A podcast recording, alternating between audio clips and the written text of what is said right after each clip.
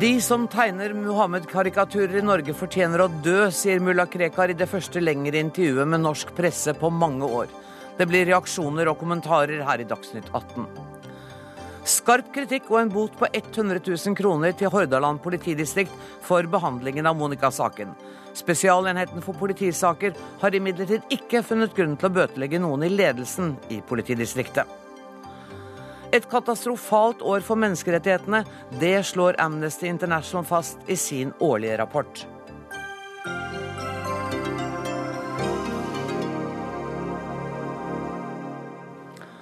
Dette er onsdagens Dagsnytt 18, der vi også skal få høre at få bankkunder når fram med sine klager i Finansklagenemnda, ifølge en jusprofessor. Men først. I det første lengre intervjuet med norsk presse på mange år kommer mulla Krekar med en rekke oppsiktsvekkende uttalelser. Til NRK sier han bl.a. at de som tegner Mohammed-karikaturer i Norge, fortjener å dø, og at islamister har rett til å oppsøke vedkommende og sprenge seg selv i lufta. Brynjar Meling, du er mulla Krekars forsvarer. Velkommen til Dagsnytt 18. Um, han sier altså at muslimer har rett til å drepe de som tegner profeten uh, Mohammed. Mener han det han sier her? Jeg vet ikke hva mulla Krekar mener. Han har gitt en utlegning av islam mener om disse tingene. og det som hadde vært oppsiktsvekkende, det hadde vært hvis han hadde sagt noe annet enn det han sier nå. For dette er ting han har sagt til de som har villet høre på tidligere. og Det Han har sagt i retten, han har sagt i avhør. Så det er ikke noe oppsiktsvekkende med at han sier dette. Jeg skjønner at du ikke sitter inne i hodet på mulla Krekar og kan ikke vite uh, hva han tenker. Men, men, med så kontroversielle uttalelser, i hvert fall, da, kan du forestille deg hva han, hva han vil oppnå med å, å, si dette nå? Jeg tror ikke det er kontroversielle uttalelser for han. For han er dette slik han tolker islam. Og det som ville vært kontroversielt, var å si noe annet enn det han mener er en riktig tolkning av islam. Men har han innsikt til å se at uh, slike uttalelser også kan komme til å skade ham? Han fremstår jo ikke akkurat som noen opportunist. Altså, han har ikke noe mål om å bli verken populær i Norge Nei, eller å styrke sin sak i, i Norge. Eh, og så er det jo da eh, et valg han gjør når han går ut og gir disse intervjuene. Eh, og Det er nok vel vitende om at det også kommer til å få negativ effekt, i hvert fall i forhold til hvordan folk oppfatter han. Så er spørsmålet hvilken rettslig betydning det er. Det for andre vurderer om dette er straffbare ting, og, og eventuelt om dette er noe som bør straffeforfølges. Det får vi se hvis noen anmelder dette. Men, men, uansett anmeldelse eller ikke, så kan vel du også vurdere eh, juridisk betydningen av disse uttalelsene?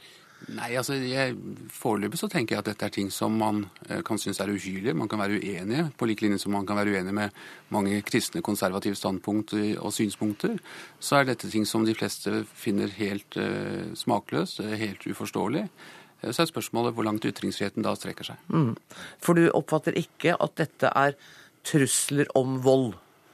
Jeg har, ikke, jeg har ikke oppfattet det sånn. Han har sagt at dette er en utlegning av Koranen. Jeg har hatt en samtale med han etterkant av intervjuet. Jeg var ikke klar over at intervjuet hadde funnet sted, og, okay. og, ble kjent med dette nå. Og da sier han han har bare svart på spørsmål, slik som islam sier at dette skal forstås. Så han opplever ikke at dette er trusler rettet mot f.eks. norske avistegnere som kunne tenke seg å tegne Mohammed?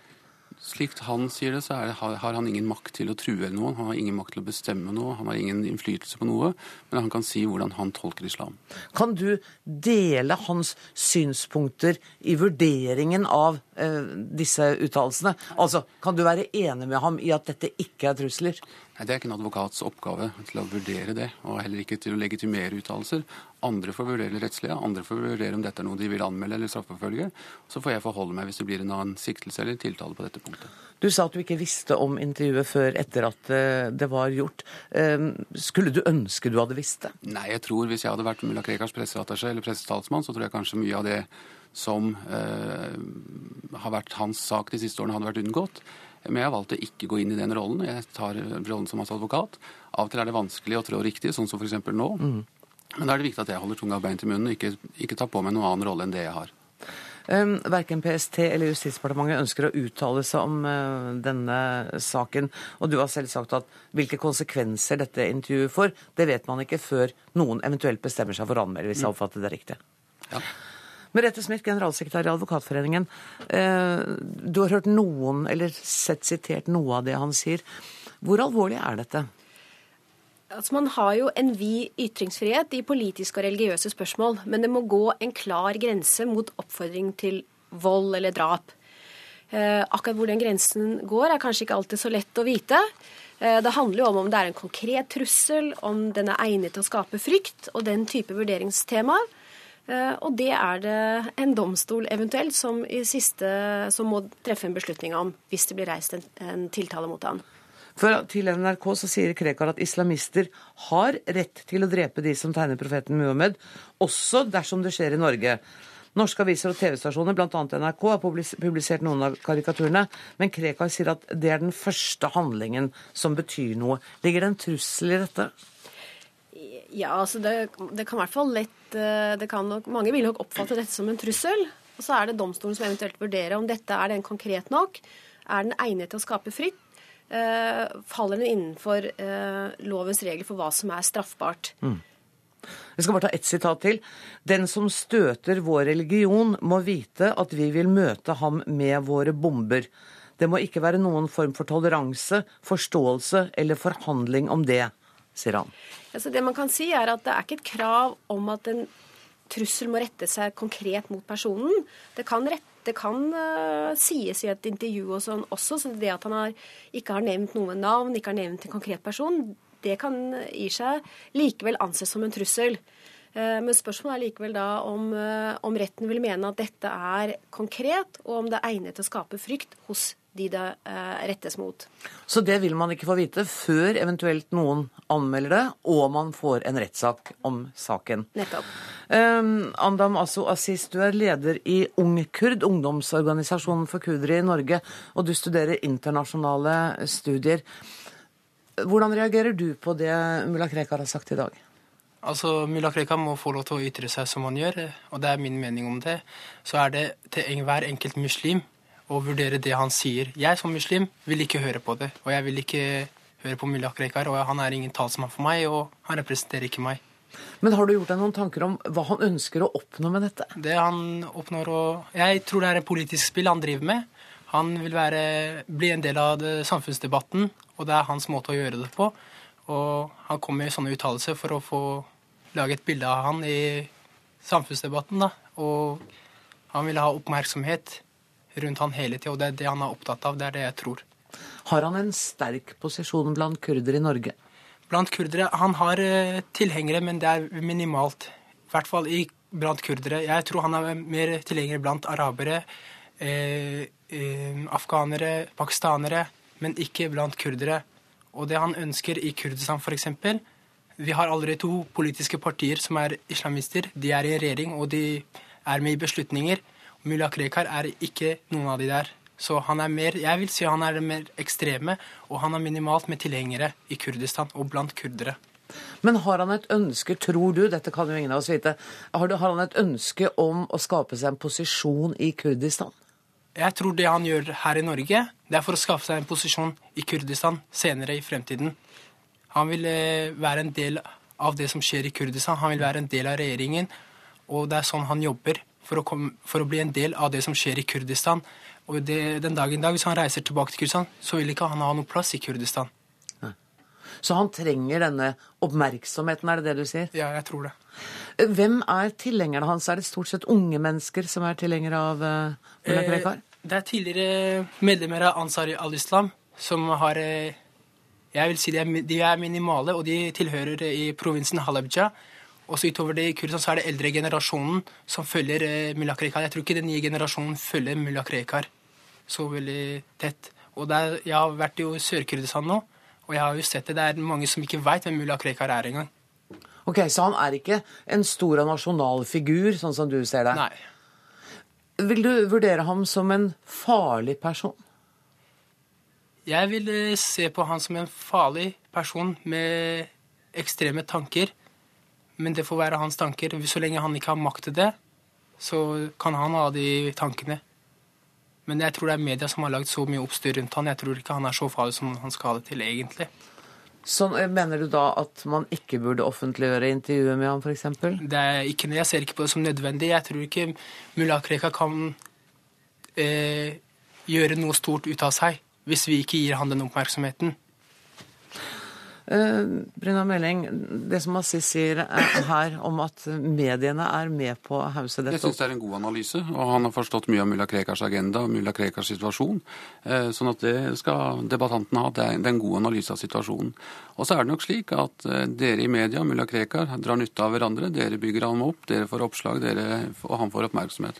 Sånn at dere er nok et sånn gjensidig kurtise som er til gjensidig nytelse. Og Den gjensidige kurtisen skal vi fortsette med når dere har forlatt studio. Tusen takk for at dere kom, Brynjar Meling, Adam Aziz og Merete Smith. For vi skal fortsatt snakke om uh, mulla Krekar og hans uh, intervju og oppsiktsvekkende uttalelser. Og først til deg, Harald Stanghelle, du er politisk redaktør i Aftenposten. Er det en gjensidig flørt vi bedriver med mulla Krekar ved å offentliggjøre intervjuene med han? Ja, på en måte er det det. Akkurat som vi vet at uh, terrorister til alle tider har vært avhengig av å få massespredt budskapen sin, men også å få massespredt den frykt som de ønsker å skape. Det betyr ikke at en ikke skal eller kan intervjue han, men det betyr at vi må vite at vi også er et redskap for mulla Krekar og hans likesinnede. Ja, for jeg tror jeg kan gå ut fra at hvis din avis hadde fått dette intervjuet, så ville dere også ha trykket det? Ja, sannsynligvis. Vi ville helt sikkert ha snakka med han. sånn at Jeg tror ikke at det er noe stor forskjell på NRK og andre norske medier i dette tilfellet. Men jeg er opptatt av at vi skal vite hva vi gjør, og jeg er opptatt av at vi skal vite at vi er med på å holde mulla Krekar i live som fenomen. Og for noen også som symbol. Og det er, som du antyda i spørsmålet ditt, en gjensidig flørt. Per Arne Kalbakk, nyhetsdirektør her i NRK. Hvilke avveininger har ledelsen gjort før dere valgte da å offentliggjøre dette intervjuet? Mm. Harald Stanghelle er jo litt inne på det.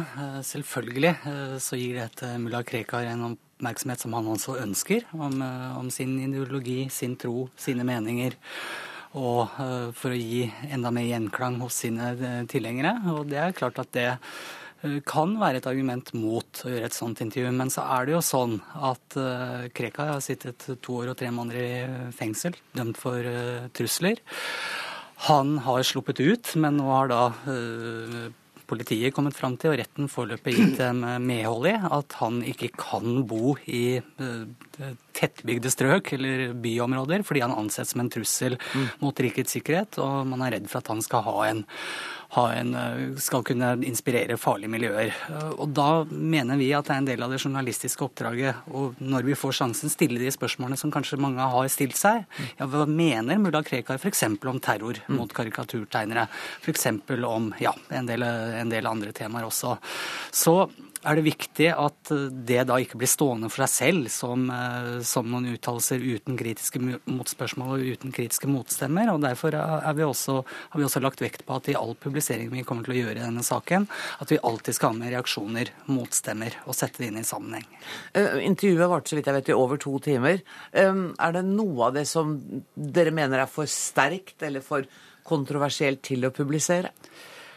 Nei, det vil jeg ikke si. Men det er klart at det er en lang, lang samtale. Ja, og den må redigeres, jeg skjønner alle. Jeg bare lurer på om hensynet var at man mente at her er det såpass drøyt at dette vil vi ikke publisere?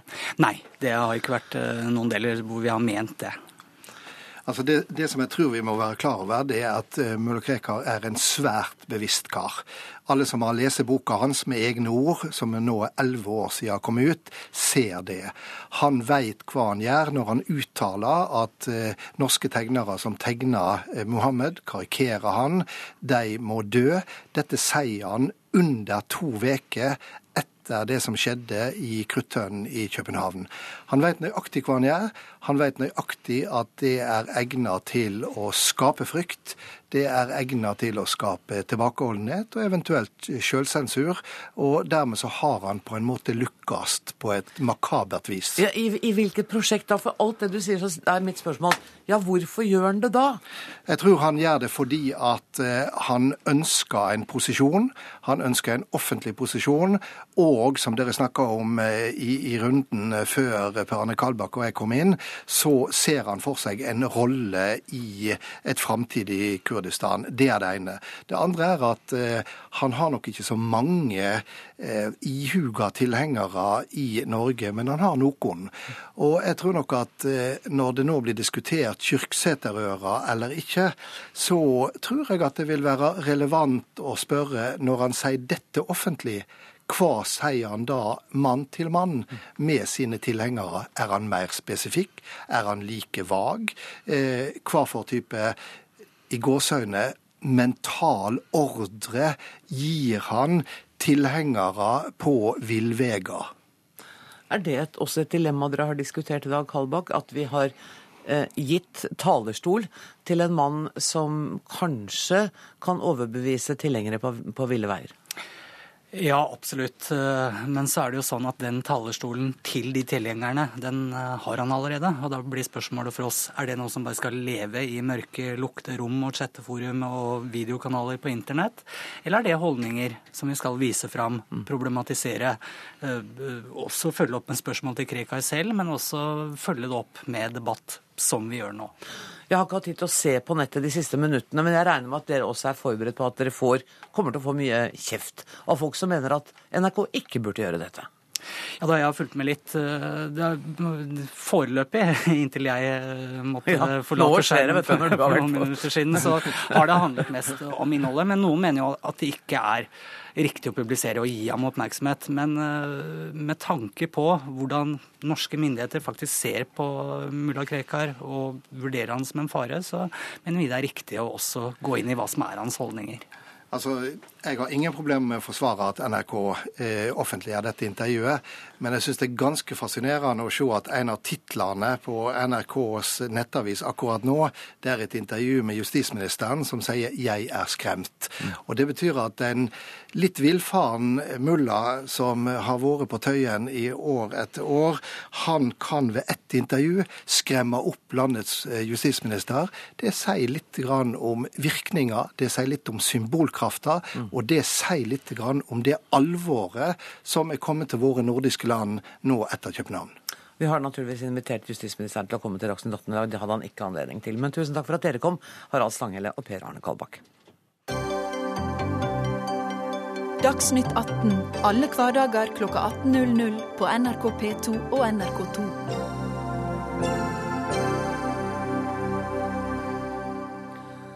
Hordaland politidistrikt er ilagt en bot på 100 000 kroner for å ha utvist grov uforstand i tjenesten i etterforskningen av den såkalte Monica-saken. Det er Spesialenheten for politisaker som er kommet fram til dette, etter å ha etterforsket politikammeret. Enheten har imidlertid ikke funnet grunn til å bøtelegge noen av de fire ansatte som også har vært under etterforskning. Og leder for Spesialenheten for politisaker, Jan Egil Presthus, er det etter din vurdering en alvorlig konklusjon dere har kommet fram til? Ja, det mener jeg absolutt. Eh, så lenge man kommer fram til at politiet har opptrappet straffbart, så er det i seg selv alvorlig, etter min oppfatning. Og politiet straffes da med en bot på 100 000 kroner? Ja. Eh, og bøtenivået er jo ikke ment å si noe om alvoret i saken. Det er ment eh, først og fremst da å være en bekreftelse på at her er det opptrådt straffbart, og på et vis som da krever en reaksjon. Dere har altså funnet, ikke funnet grunn til å bøtelegge noen enkeltpersoner ved Hordaland politidistrikt? Ja, det er en litt sånn sammensatt begrunnelse, for dette er jo en sak som har to faser. Det, dette var jo en sak som startet uh, 14.11.2011 ved at Monica ble funnet død, og så ble det iverksatt en etterforskning i Hordaland politidistrikt som ble avsluttet ved et påtalevedtak i august 2012 så ligger jo denne saken da rolig i 16 måneder inntil en politioverbetjent i januar 2014 stiller alvorlige spørsmål både ved etterforskningen og den påtalemessige behandlingen av saken. Mm. Så er det da slik at eh, vi har vurdert at dette ikke er en sammenhengende straffbar handling, slik at når vi går inn og vurderer straffansvar nå i Eh, i 2015, så må vi forholde oss til den siste fasen av saken, nemlig den delen av saken da, som gjelder behandlingen av politioverbetjentens rapport. Og den, del, og den delen som nå ikke er foreldet, for det er også Ja. et moment her. Men, Ja, av, men av de fire så, eh, så er det altså to som ikke er eh, vurdert eh, til straff fordi det er foreldet. Én har dere funnet intet straffbart funnet og har henlagt saken. Én er henlagt på, med henvisning til bevisets stilling, altså påtaleansvarlig i saken. Og begrunnelsen dere gir, er at fordi at hun har samrådd seg med andre.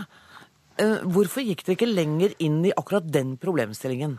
Ja, nå har vi gått litt lenger inn i dette i vårt, vårt påtalevedtak enn det vi har gjort i kommunikasjonen med media.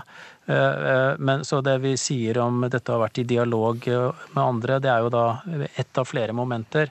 Det vi kan si i tillegg til det, er jo at dette med straffansvar for påtaleskjønnet er en ganske krevende, et ganske krevende problemstilling. Slik at det skal veldig mye til for at man skal straffe det eh, på personnivå.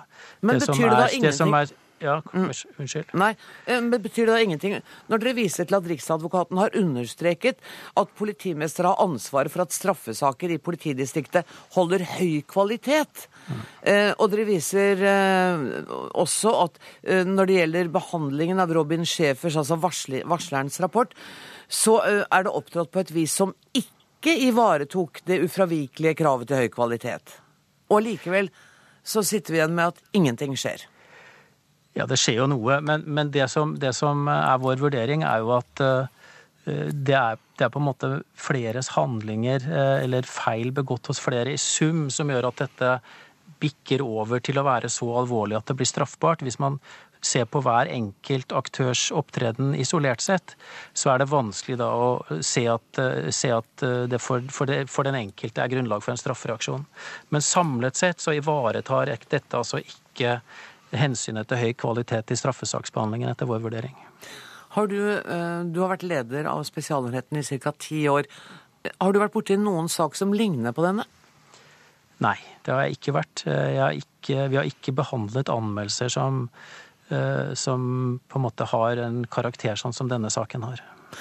Eh, Politidistriktet er altså ilagt en bot på 100 000 kroner. Vi vet ikke om de vedtar den. Eh, Kan ikke du bare dra meg gjennom det tekniske? Hvis politidistriktet sier at de ikke vedtar boten, hva vil så skje videre? Ja, da vil, vi jo, da vil de jo sannsynligvis eh, begrunne hvorfor de ikke vedtar den, og da får vi jo vurdere eh, den begrunnelsen eh, i første omgang. Og hvis vi fastholder boten, så vil det jo være aktuelt å behandle saken i domstolen. Hva tror du, eller kan jeg spørre deg om det? Om hva du tror kommer til å være utfallet av denne boten? Kommer de til å vedta den? Nei, Jeg syns ikke jeg skal ha noe spådom i forhold til det. Det skal du få slippe. Tusen takk for at du var med i Dagsnytt 18. Jan Egil Presthus, leder av eh, Spesialenheten for politisaker. Eirin Eikefjord, du er kommentator i Bergens Tidende. Hvordan vil du kommentere avgjørelsen til Spesialenheten? Altså, det er absolutt veldig alvorlig når politiet opptrer straffbart. Og Spesialenheten bruker sterke ord. De sier det er kvalifisert klanderverdig, utilstrekkelig og lite tillitvekkende. Så alt i alt er dette ganske knusende for tilliten til bergenspolitiet. Eh, Samtidig er det jo ikke overraskende at ingen enkeltpersoner blir straffa, og at man legger skylden på feil begått av flere. Dette handler jo både om disse foreldelsesreglene, men det er jo òg en del av den ansvarspulveriseringen som er veldig typisk når store etater gjør noe klanderverdig.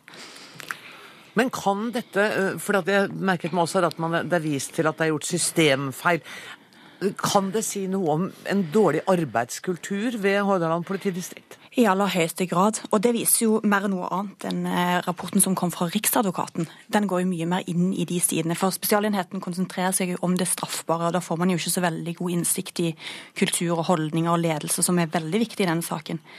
Men når man ser på Riksadvokaten sin rapport, så er det jo definitivt det som er det store problemet. Vær med oss videre, Eirin Eikefjord. Jeg skal bare snakke litt med Olav Rønneberg, som er krimkommentator her i NRK.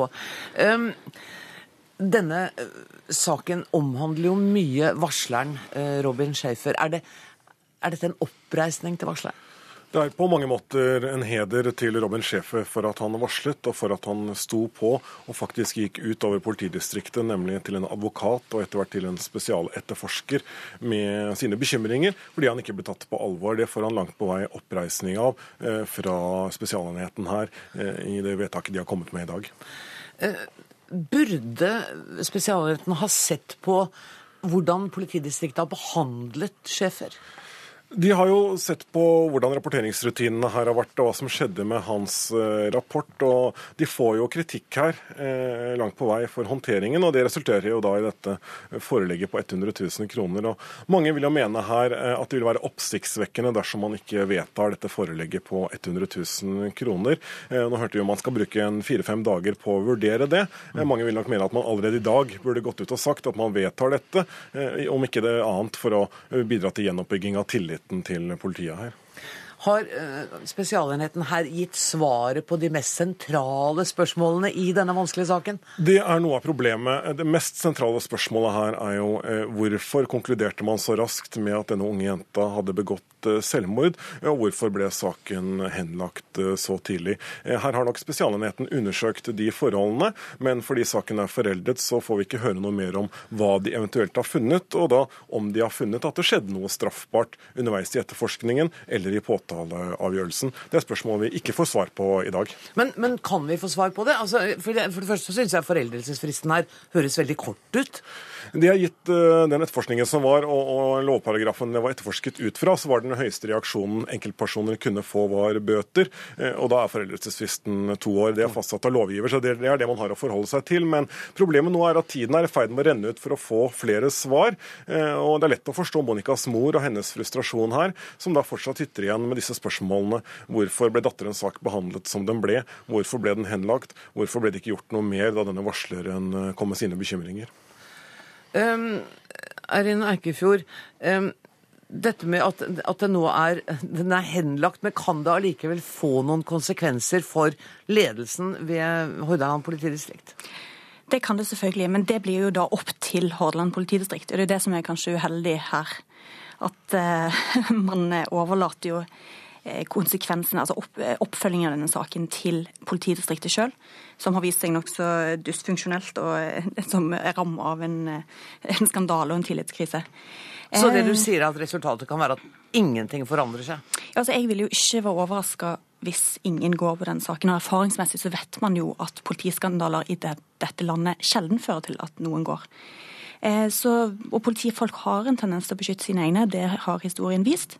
Og jeg har heller nokså liten tro på at politidirektøren kommer til å gripe inn her. Altså Politimesteren har jo faktisk på et, eller annet vis trukket seg, sant? men det var jo ved å snike seg ut bakdøren og si at eh, han var ikke riktig vedkommende, og så kommer han neppe tilbake igjen. Så Det er vel kanskje den mest dramatiske konsekvensen vi kommer til å se.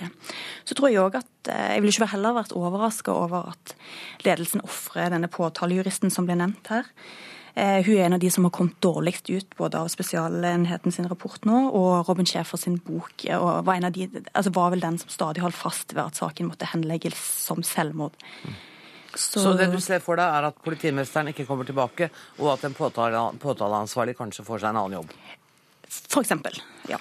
Rønneberg. Det er lett å være enig i at politimester Geir Gudmundsen har ansvaret her. Og når det da er rettet en systemkritikk, så rettes den imot Hordaland politidistrikt som et foretak. Der er han øverste ansvarlig. Nå har han permittert seg selv, som vi hører her. Det har vært interessant å høre hva han hadde å si i dag. Han har gjort seg utilgjengelig for media. Eh, men det er klart at dersom han ikke selv trekker seg, så vil mange mene at politidirektøren her må gripe inn og plassere ansvaret hos politimesteren.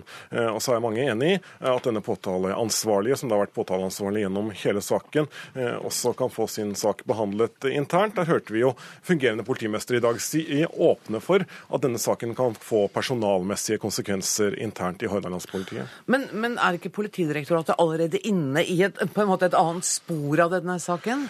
De er jo selv beskyldt for å ha forsøkt å legge bånd på denne varsleren og forsøkt å få, få roet ned hans eh, advarsler. og Det er jo grunnen til at Justisdepartementet nå har opprettet en, en granskingsgruppe bestående av et advokatfirma, et helt eksternt advokatfirma, som nå skal undersøke disse forholdene. De skal undersøke Politidirektoratets rolle i Monica-saken? Og Politidirektoratets håndtering av, av denne varslersaken.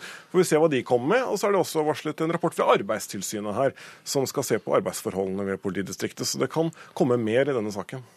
Arine Erine Eikefjord, vi hører altså at eh, både at Justisdepartementet skal varsle og at Arbeidstilsynet er inne i bildet. Gjør det at din tillit til at noe kommer til å skje, blir litt større? Nei, ikke nødvendigvis. Og det, det, dette er, illustrerer jo egentlig det grunnleggende problemet med denne saken. Den dissekeres og deles opp og evalueres av veldig ulike organer med veldig, ofte veldig snevre mandater. Mm. Sånn at ingen ser overordna på det som har skjedd. Og jeg mener jo at alt henger sammen med alt her. Altså, du har vars flere varslingssaker som henger sammen med hvordan eh, Robin Schäfer har blitt behandla.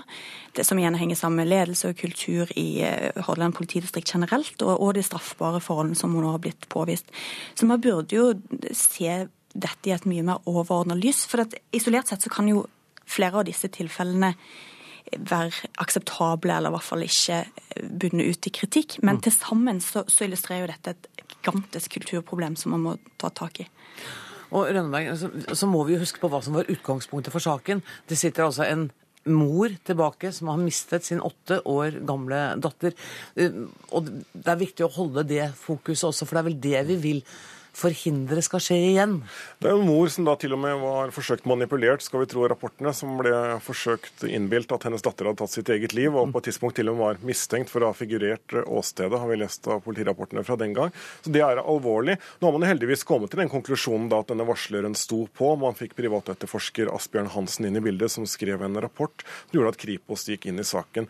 Nå er en person siktet for drapet på Monica. Vi får se hvordan den saken ender. Han nekter jo all skyld her. Eh, men den store bekymringen er jo eh, om sentrale spørsmål forblir ubesvart i denne saken. Tusen takk for at dere kom og opplyste det, eh, Olav Rønneberg og Eirin Eikfjord.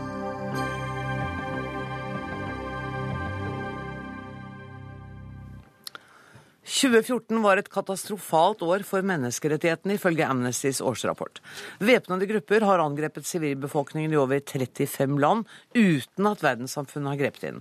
Og nå ber Amnesty de faste medlemmene i FNs sikkerhetsråd om å avstå fra sin vetorett i enkeltsaker. Generalsekretær i Amnesty International Norge, Jon Peder Egenes. Det var veldig optimistisk, da. Ja, men man skal være optimistisk når man, kommer, eh, når man legger fram eh, viktige forslag. Eh, og vi er jo ikke de eneste som har gjort det. det er, Frankrike har lagt det fram. Det er 40 stater som har sagt at de støtter det. Det er, ikke, det er jo ikke sånn helt noe vi fant på for å få medieoppmerksomhet. Jeg mente ikke å latterliggjøre det. Jeg bare mente at ja. sånn som situasjonen ser ut nå, ja. så virker det noe urealistisk denne uka i hvert fall. Det har du helt rett i. Og, og hvis det er noe jeg har lært gjennom mange år i Amnesty, så er det at menneskerettighetsarbeid er et langsiktig tålmodighetsarbeid. Og om ikke annet, selv om vi faktisk tror på dette forslaget, men om ikke annet så er det i hvert fall viktig nå å diskutere at det faktum at Sikkerhetsrådet fungerer om ikke, ikke det hele tatt, så i hvert fall veldig dårlig stilt overfor den typen situasjoner som vi, i, som vi ser i Syria, som vi så i Sør-Sudan, Sentralafrikansk republikk, Ukraina osv. Og så er altså 2014 blitt et katastrofeår for menneskerettigheter. Så dere det komme da dere jobba i 2010-2011? Altså, har den utviklingen vært der? Altså, det er jo mange ting som ikke folk har kunnet forutse sånn helt konkret. At mm. det, skulle, det, som skjedde i Ukraina skulle skje i Ukraina, tror jeg ikke det var veldig mange som så for seg for en liten stund siden. At Syria skulle bli verre, det tror jeg vi alle har snakket om ganske lenge etter at krigen startet der. Ehm, vi burde sannsynligvis eh, ha sett at eh, Sør-Sudan kunne eksplodere til det de gjorde, og vi mm. var vel eh, i all beskjedenhet med å si at her er det mye som går gærent, og det var mange som ikke grep inn. Sentralafrikansk republikk ja, Jeg personlig så det i hvert fall ikke komme, men jeg skal ikke utgi meg for å være noen ekspert på det heller. Men, men poenget er at det vi må legge merke til i disse situasjonene, det er, det, det er, på en måte den situasjonen som er i forkant. og Der tror jeg Amnesty har et viktig budskap. Det er at men, når menneskerettighetene brytes systematisk, så skapes det i hvert fall i noen sammenhenger en trykkoker. Mm. Og Når myndighetene bare skrur det lokkeret hardere og hardere til, så viser erfaring at det smeller. Og Den arabiske våren var jo et, et klassisk eksempel på det. Hadde du spurt de fremste Egypt-eksperter én uke før det smalt, så hadde de sannsynligvis sagt at Mubarak sitter til han dør. Mm. Eh, og så plutselig eksploderer det. Og, og, det må verdenssamfunnet ta alvorlig. Og det forslaget om å frivillig si fra seg vetoretten, det ene er jo når man er i den akutte situasjonen à la Syria. Mm. Det andre er at hvis vetomaktene blir enige om det, så vil det jo være en del uh, gufne statsledere som på en måte mister litt av det sikkerhetsnettet de kanskje sitter og føler ja. at de har hele tiden. At vi kan gå ganske langt, for Sikkerhetsrådet kommer ikke til å bli enig. For vi har enten USA som vår venn, eller Russland som vår venn, eller Kina eller Frankrike eller Storbritannia. Uh, hvis, hvis, man på forhånd har blitt enig om at nei, går det for langt, så vil vi faktisk ikke bruke vetoretten, så vil det også kunne virke preventivt. Det er jo mm. en av grunnene til at vi foreslår det. Uh, Bård Glad Pedersen, statssekretær i Utenriksdepartementet. Du satt og nikket da mm. Snakket om dette med trykkokereffekten. Ja, ja. Jeg tenker at uh, Beskrivelsen er jo helt riktig at 2014 har mm. vært et forferdelig år for menneskerettighetene. og Det er faktisk sånn at det går bakover på en del områder. og uh, det har henger sammen med to ting. Det ene er det Egnes påpeker, nemlig vi har noen nå store konflikter som har ledet til de største flyktningkatastrofene siden andre verdenskrig. Store humanitære lidelser, store overgrep mot menneskerettighetene. Og det skyldes politiske konflikter som kan spores tilbake til massive og systematiske brudd på menneskerettighetene, akkurat som Egnes sier. Det andre som eh, vi har vært opptatt av å påpeke, det er at vi ser nå at en del land tar aktivt avstand fra menneskerettighetene. Sier at det er vestlige verdier. Ytringsfrihet er ikke så viktig hos oss. Religionsfrihet, eh, retten til forsamling. Eh, og de landene ikke bare bryter menneskerettighetene systematisk i sine egne land, men de landene i økende grad samarbeider for å undergrave det internasjonale systemet som vi har bygd opp for å fremme og beskytte eh, menneskerettighetene. Det er veldig alvorlig. Det er utgangspunktet for at vi har lagt fram ei stortingsmelding om hvordan vi skal styrke menneskerettighetsarbeidet som vår utenrikspolitikk.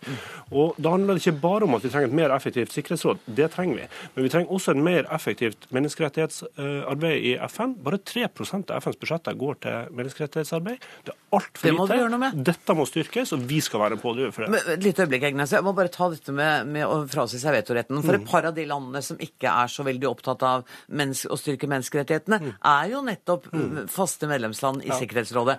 Er, er, Norge enig i eh, Amnestys holdning om at man bør overtale dem til å si fra seg vetoretten? Ja, og det er jo ikke noe tvil om at uh, Sikkerhetsrådets manglende evne til å håndtere konflikten i Syria bidrar til den eskaleringa vi har fått. Og det er klart at altså, I Ukraina så er det jo en av vetomaktene som aktivt bryter folkeretten, eh, som bidrar til den destabiliseringa som vi sa, som bidrar til, til overgrep. Ja, det, det Men jeg syns du var litt slapp da du sa ja. Sa du ja, det er vi enige eller så ja. ja? Ja, det er vi enig i, men det, Egnes har jo også rett når han sjøl påpeker at dette skjer ikke før helga. og det er klart at at eh, det er noen utfordringer knytta til dette som gjør at vi kan ikke bare være opptatt av det, vi må også føre andre diskusjoner om hvordan kan Sikkerhetsrådet bli mer effektivt. Og jeg mener at Det er viktig at vi påpeker at den eh, trusselen som konflikten i Syria utgjør, har pga. manglende handlekraft fra Sikkerhetsrådet fått utvikle seg på en måte som gjør at vi har fått ISIL så sterkt som det er, og dermed en trussel også mot de vetomaktene. Mm. Så det er en påminnelse til Sikkerhetsrådet at det har en pris når man ikke klarer å evne seg om å håndtere situasjonen. Så mener jeg at det er en del andre grep også, at Sikkerhetsrådet burde bli ja. Kan vi ikke ta én ting av gangen, for ellers så mister programlederen hodet. Eh, du fikk stikkordet Syria her nå, Egnes. Ja, ja, det ble du glad for. Det er et par ting jeg har lyst til å, å si. Først så støtter jeg Eh, Borgland Pedersens analyse vel. Så vil jeg ikke gjenta den om, om disse statene som, eh, som, rotter seg sammen og undergraver menneskerettighetene. Men da har jeg bare først lyst til å si én ting før vi tar Syria. og Det er at det er jo en tilleggsdimensjon som vi legger fram i årsrapporten vår. og Det er at stater som vi i utgangspunktet forventer skal være menneskerettighetenes, menneskerettighetenes beskyttere, eh, også går i gal retning. Vi har jo sett USA siden 2001. Eh, vi vet jo og stoler på at torturen har blitt eh, mer eller mindre borte i forhold til hvordan den var under tidligere presidenter der. Men vi har sett denne masseovervåkningen som amerikanerne nå har gjort seg til eh, talsland for. Og, og da er det jo et viktig poeng at vi er også nødt til å kritisere våre venner. fordi mm. at ytringsfriheten er også påvirket av masseovervåkning. Eh, med masseovervåkning så vil ytringsfriheten være i fare, og vi må hele tiden klage på våre venner i den sammenheng. Så har jeg lyst til, da, er det Syria nå? Nå er det Syria!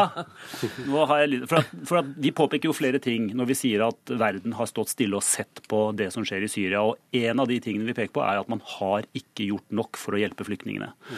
Um, 4,5 millioner flyktninger som bor i nabolandet i all, all, all vesentlighet. Og resten av verden bygger heller murer enn å slippe folk inn. Og der er Norge, eh, selv om Norge gjør mer enn mange man kunne eh, sammenligne seg med, så er Norge nødt til å gjøre mer. Og de er nødt til å legge press på sine venner i Europa, sine venner i Amerika, i den grad de har venner i Gulfen osv. fordi at nå må vi avhjelpe de fire-fem landene mm. som har millioner av flyktninger innenfor sine grenser. Mm. Du nikker igjen. Ja, det, det ene jeg var i Libanon og i Tyrkia ganske nylig. I Libanon så er én av fire innbyggere er, er flyktninger. I Tyrkia har nærma seg to millioner syrere inn i landet, og de har vært det lenge nå. Eh, og Norge må gjøre mer. Vi har jo en egen kvote for flyktninger fra Syria. Vi har økt det antallet, og jeg vet at Egnes vil at vi skal ta imot uh, enda flere, og det, det, er greit. Vi har økt i hvert fall, så det går i riktig retning. Ja, men Har dere tenkt å øke litt mer?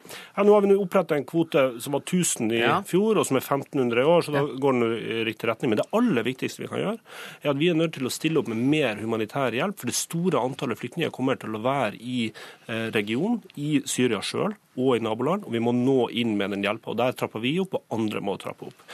På, over helga så skal jeg eh, til Genéve i FNs eh, menneskerettighetsråd møte høykommissæren for uh, menneskerettigheter. og jeg mener at Også i lys av den rapporten som Amnesty legger frem, at det er tre viktige budskap å gi i den type sammenheng. For det første at det internasjonale systemet for å beskytte og fremme menneskerettigheter må styrkes, som vi var innom i sted. Det andre er at vi må være flinkere å bygge allianser på tvers av geografi og religion for å møte det faktum at en del land nå undergraver systemet. Hvordan det, gjør man det? Ja, Det handler om å bygge og skape enighet med, med land i Afrika, i Latin-Amerika, i Asia, på konkrete enkeltområder for å fremme menneskerettigheter. Det har vi blitt flinkere til, men det må vi intensivere innsatsen. For det hjelper ikke at liksom, de nordiske landene står opp for. Vi er nødt til å bygge allianser på tvers av, av geografi. Det tredje er at vi må systematisk støtte opp om uh, sivilsamfunn og deres rett til å bli hørt. Og I Norge så er det jo sånn at Amnesty blir invitert i, uh, til NRK og til andre medier. Uh, men vi må stå opp for sivilsamfunnets rett til å bli hørt i de landene der menneskerettighetene brytes, og i internasjonale sammenhenger. Vi ser jo stadig vekk i FNs menneskerettighetsråd at land gjør forsøk på å kneble sivilsamfunn. Det må vi være en stemme imot, for det er uakseptabelt at de ikke får mulighet til å Eh, i hvert fall tale sin eh, sak og legge fram sine synspunkter. Ja, jeg er enig i dette også, men jeg harper litt, jeg harper litt mer på Syria. Ja, ja jeg harper litt mer på Syria, for jeg, for jeg, er opptatt av at Norge må gjøre mer. 1500 eh, er få. 5000, som vi sier i 2015, er også få. Men vi vet at FN sier vær så snill og hjelp oss. Det er et stort antall av de mest sårbare som må ut. Det vil hjelpe de enkeltpersonene vi tar. Det vil avhjelpe nabolandene noe, fordi at de vil ikke fylle opp sykehusene deres og, og ta utgifter fra de landene og fra FNs operasjoner i de landene. Eh, og det vil være et eksempel for andre stater som burde ta mange mange flere. Vi er enige, men Norge må slutte å gjemme seg bak at Storbritannia sier 90 og osv. Det, det, det, er Tyskland og Sverige som på en måte har gjort, gjort så det monnet. Norge må også gjøre mer, og da blir vi enda mer troverdige i alle de debattene men, som men, Vi skal ikke gjemme oss uh, bak, bak, bak, noen. Uh, men uh, altså, nå tar vi imot 1500. Det er ganske mange sammenlignet med, med, andre. Men uansett så er det sånn at det er 12 millioner mennesker i Syria og nabolandene som trenger humanitær hjelp. Det er et enormt press på det humanitære systemet. Og om vi tar imot 1500 eller 2500 eller 5000, så er det fortsatt der det store antallet gjøres. Og der trengs det to ting. Det ene er at det er flere må stille opp med mer humanitær hjelp. Ja, Vi må gjøre mer, og jo, men andre må gjøre mer. Det andre som trengs, det er at de som driver med utviklingshjelp, ikke humanitær hjelp, men utviklingshjelp, er nødt til å engasjere seg inn. For det gjør noe med samfunn når én av fire i Libanon er, er flyktninger, når de trenger skolegang, helsetilbud. og Da må ja. utviklingsaktørene inn, og der har vi en stor utfordring. Ja, vi skal ikke ta repriserunden. Jeg må bare spørre Egenes til slutt. Eh, det er jo vanskelig å spå, særlig om framtida. Ja. Eh, ser 2015 like mørkt ut for når det gjelder menneskerettigheter? Ja, Akkurat nå så syns jeg det gjør det. Eh, nettopp fordi det er ingen som stepper opp og, og, ser ut som de har gode løsninger på de konfliktene som er. Og de andre negative trendene, som begrensning av ytringsfriheten osv., som vi ser ikke bare i disse konfliktområdene, men andre steder, ser ut til å fortsette i den samme retningen. Så det er ekstremt viktig at som Bård Glad Pedersen sier, land som Norge nå virkelig legger et press på og forsøker å bygge de koalisjonene han nevner. Man må jobbe for at det skal bli bedre. Tusen takk for at dere kom, Jon Peder Egenes og Bård Glad Pedersen. Hør Dagsnytt 18 når du vil. Radio NRK Radio.nrk.no.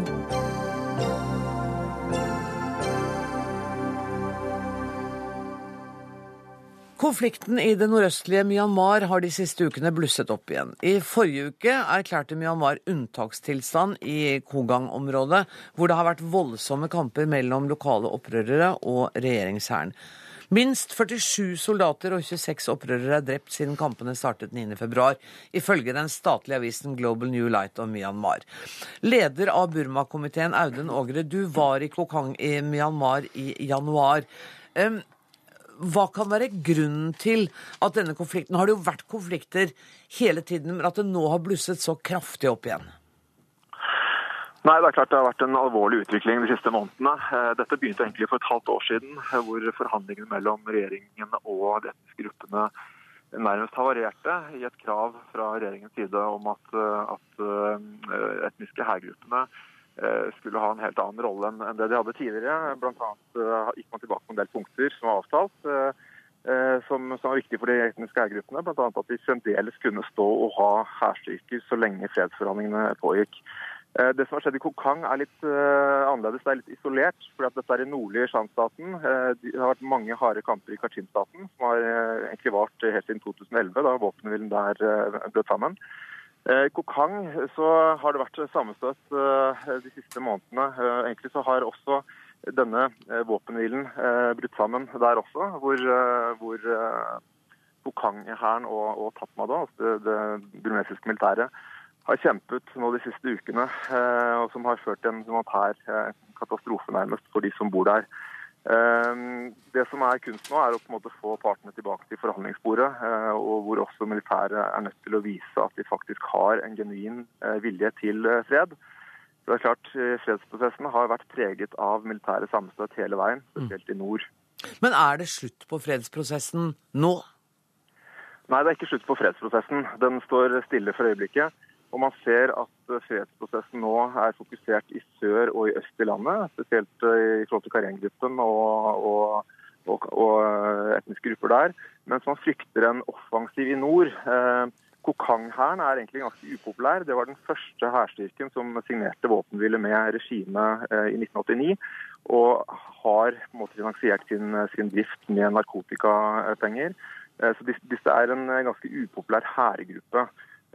Eh, det som er bekymringen nå i nord, er at Kachin og, og også andre hærgrupper skal bli involvert i kampene, som egentlig kan underminere hele fredsprosessen eh, på nasjonalt nivå. Mm. Eh, og det, det, man frykter fra, fra Kachin-hærens side, er jo nettopp at, at man nå kan stå overfor en nordlig offensiv som man er veldig redd for. Men Audun Ågre, eh, altså i Norge ble vi jo lettet fordi at først så ble Aung San Suu Kyi satt fri, så ble hun valgt inn i parlamentet, og det vi hørte var at demokratiseringsprosessene var i god gjenge i Burma. Var vi bare litt naive, da? Eh, det er viktig å, være optimist og, og, og, tenke at man skal komme fremover. Dette har jo uh, vært en, en, vanskelig prosess hele veien. og Suu selv sier jo at, eh, at demokratiseringsprosessen har stått stille siden 2013. Uh, så det er klart Vi har sett tegn på på problemer i forhold til både demokratiseringsprosessen og fredsprosessen. Mm. Når det er sagt, så er det klart at uh, situasjonen i dag er uh, markant bedre enn den var under regimets dager frem til 2010. Uh, men allikevel så er det veldig lang vei igjen. og jeg tror at det er veldig viktig nå at vi har et, et fokus på at det er en stor forskjell mellom regjeringens ytringer, som ofte er veldig positive, og militærets handlinger, som, som dessverre fremdeles være preg av overgrep og, og, og brudd på menneskerettighetene. Generalsekretær Norsk Folkehjelp, Liv Tørres. Eh, har vi vært litt naive da vi var så optimistiske med hensyn til demokratiutviklingen i Myanmar? Nei, jeg er jo helt enig i at det er bra å være optimister. Er du det eh, fortsatt på vegne av Myanmar? Ja, ja, vi er jo det. Og samtidig så ser vi jo alle, og det er jeg helt sikker på at Burma-komiteen deler også, at dette er krevende prosesser. Myanmar er et stort land. På den ene siden så er det bekymringer nå over det som skjer i nord. Det er mange av oss som har vært bekymret hele tiden over at hæren har den rollen den har, med utstrakte fullmakter, for å si det mildt. Eh, vi har vært bekymret for demokratiseringsprosessen, og det var veldig mye som skulle håndteres samtidig. Altså en demokratiseringsprosess samtidig som det var en fredsprosess. Forhandlinger, forhandlinger om våpenhvileavtaler først, og deretter fredsavtale. Men, men, jeg tror det er viktig å ha med seg at samtidig som vi er bekymret over situasjonen i nord, vi er bekymret over demokratisituasjonen, valg senere i år osv., og, så videre, og hvilke fullmakter da hæren fortsatt kommer til å kreve at de skal ha i liksom det framtidige regimet, den neste fasen. Eh, vi er bekymret for fredsprosessen osv., så, videre, så skal vi også ha med oss at det er faktisk 14 av 16 grupper som har inngått bilaterale våpenhvileavtaler med regimet. Eh, det er store deler av landet 16 opprørsgrupper, liksom? Ulike Ja, opprør? Ja. mm, mm. 14 av 16. Så det er, det er jo Altså, det er mange områder hvor hvor denne prosessen, som Norge har gitt stor støtte eh, til, eh, faktisk opplever man at dette har bidratt til økt levestandard, fred, tilgang på helsetjenester, internt fordrevne har nå tilgang på skole osv. Så videre. sånn at vi, vi, det er i hvert fall ikke noe alternativ å nå Trekke norsk støtte tilbake. Hvor mye engasjert er Folkehjelpa i det som skjer i Myanmar nå? Folkehjelpa var blant de aller første organisasjonene som gikk inn og begynte å jobbe i Burma. Så vi har fulgt på en måte denne prosessen også helt fra ja, før startgropa, for å si det sånn. Eh, har tett kontakt med sivilsamfunnsorganisasjoner. Eh, har også en rolle å spille i, dette, i denne fredsprosessen. Støtter opp under programmer som bidrar til at internt fordrevne kan da få tilgang til skole, helsetjenester osv. Det er viktig å understreke at disse store områdene hvor det bor mange, mange tusen mennesker, hvor det nå er våpenhvileavtaler, der, eh, der har faktisk eh, folk fått mye bedre levestandard, som sagt. Og, og, og det er også et godt eksempel for resten av landet å se at disse initiativene de bidrar til reell endring, og som dermed kan sette standarden for, for andre deler av landet. Men likevel må det jo være sånn at selv om det nå bare er to opprørsgrupper som ikke har inngått denne eh, våpenhvileavtalen med myndighetene, så, så kan mye skade skje i disse områdene som grenser opp mot Kina. Ja, jeg prøver ikke å, å undervurdere alvorligheten i den situasjonen. I disse to delstatene hvor det er væpna kamper, det er alvorlig. Og det er klart det, det, det kan gjøre det litt vanskeligere å arrangere valg senere i år. Eh, det bidrar til press på fredsforhandlinger og våpenhvilene i de andre delene av landet. Og det er uttrykk for en frustrasjon i befolkningen også over ja, at det går litt seint framover med forhandlingene og den politiske prosessen. Dere kommer til å følge med begge to, Audun Mm. Ågre og Liv Tørres. Tusen takk for at dere var med i Dagsnytt 18.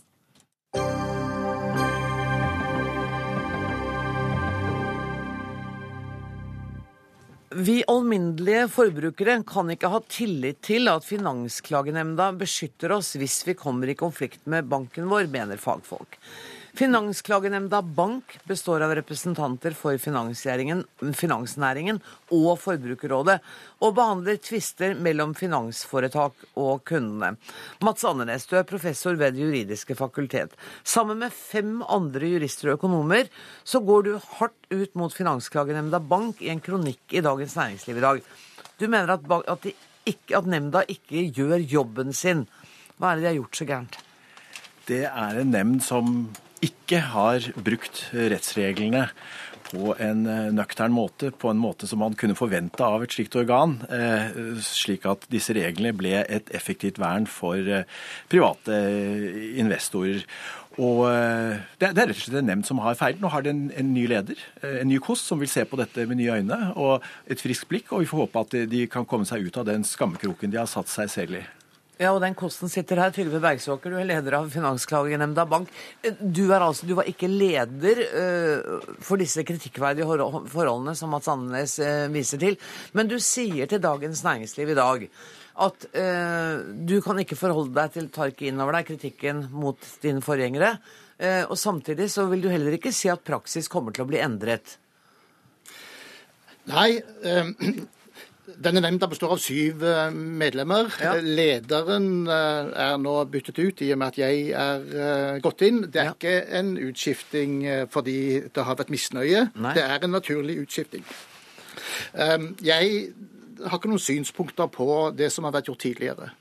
Um, Men du vet hva som har vært gjort tidligere? Ja, du kjenner vet praksisen? Ja, i det store og det hele gjør jeg jo det. Og det er en praksis du har lyst til å fortsette? De, uh, denne kritikken gjelder jo uh, en del av de sakene som Finansklagenemnda Bank tar opp, nemlig uh, det som har med eh, investeringsprodukter å gjøre. F.eks. at folk føler seg lurt. At Ja. de ikke får gode nok råd, at det ikke er kvalifiserte råd.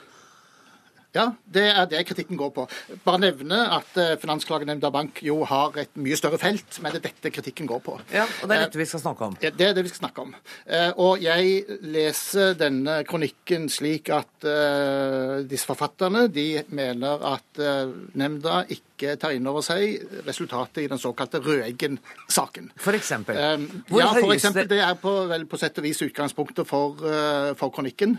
Ja, for det var en høyeste, Den endte i en høyesterettsdom som ga Røgen Røeggen medhold. Det var altså en vanlig eh, mann som gikk til sak fordi at han følte seg lurt. Ja, og da vil jeg minne om at den saken startet i Finansklagenemnda Bank, som ga Røeggen medhold. Eh, Andre, har dere dumma dere ut her med kritikken? Altså, eh, denne dommen er et helt klart eh, skritt eh, fremover. Og, og dette går da på hva må eh, banken opplyse sine kunder om? Hvor klart må de gjøre hvor stor risiko som er involvert? Og, og, og, da er det altså slik at produkter som er solgt med løfter om høy forventet avkastning og lav risiko, i realiteten ofte innebærer lav eh, avkastning og høy risiko. Altså ja, men da hørte ikke du hva. Bergsåker sa, fordi han sa at Røeggen-saken startet ved en henvendelse til Finansklagenemnda Bank, og der fikk han medhold.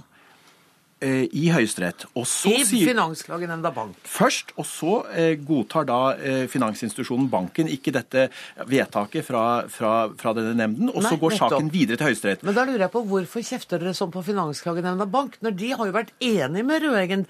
De, det betyr jo det stikk motsatte av det dere sier. De tar jo den svakestes parti, de da. I denne saken så gjorde de helt klart det. Men så er det spørsmål hvilken konsekvens har denne dommen?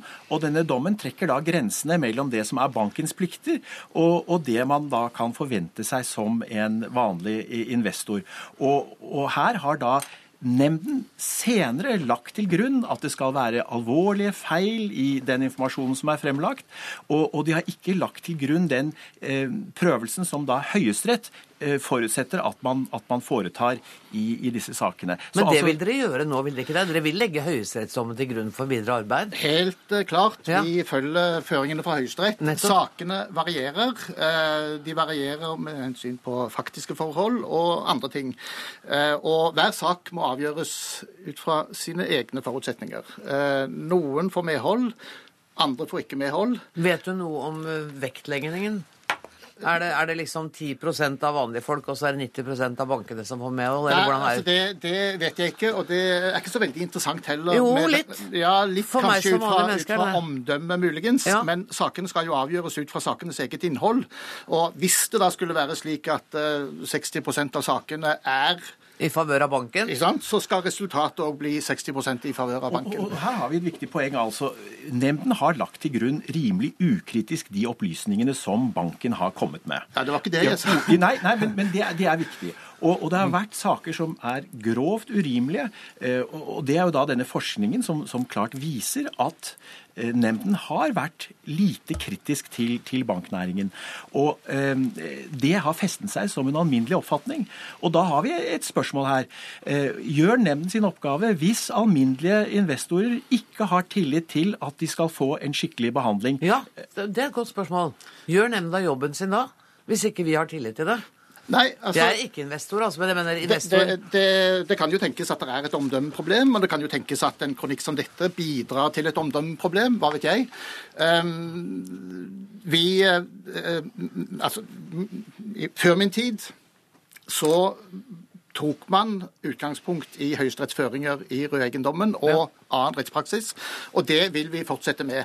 Uh, Og vi kan ikke gjøre det sånn at fordi om noen klager, så skal de ha medhold. Eh, Det må være jussen og de faktiske forhold som i tilfelle gir Siste grunnlag for for oss, siste poenget er jo at her er det nå et betydelig forskningsmateriale eh, som er i sin konklusjon kritisk. Og en av punktene som er viktig her, er at vi har også EU-retten med eh, EU-direktiver som ikke er trukket inn og lagt til grunn, slik som man har en plikt eh, til å og, gjøre. Og nå er jeg nødt til å sette strek, rett og slett. Men jeg må takke dere, mine herrer, for at eh, dere kom. Trygve Bergsåker og Mats Andenes. Helt til slutt så skal jeg bare fortelle alle seere og lyttere at det var Alf Hartken som var ansvarlig for denne sendinga. Det tekniske ansvaret har Erik Sandbråten. Jeg heter Anne Grosvold og ønsker dere alle en riktig god kveld.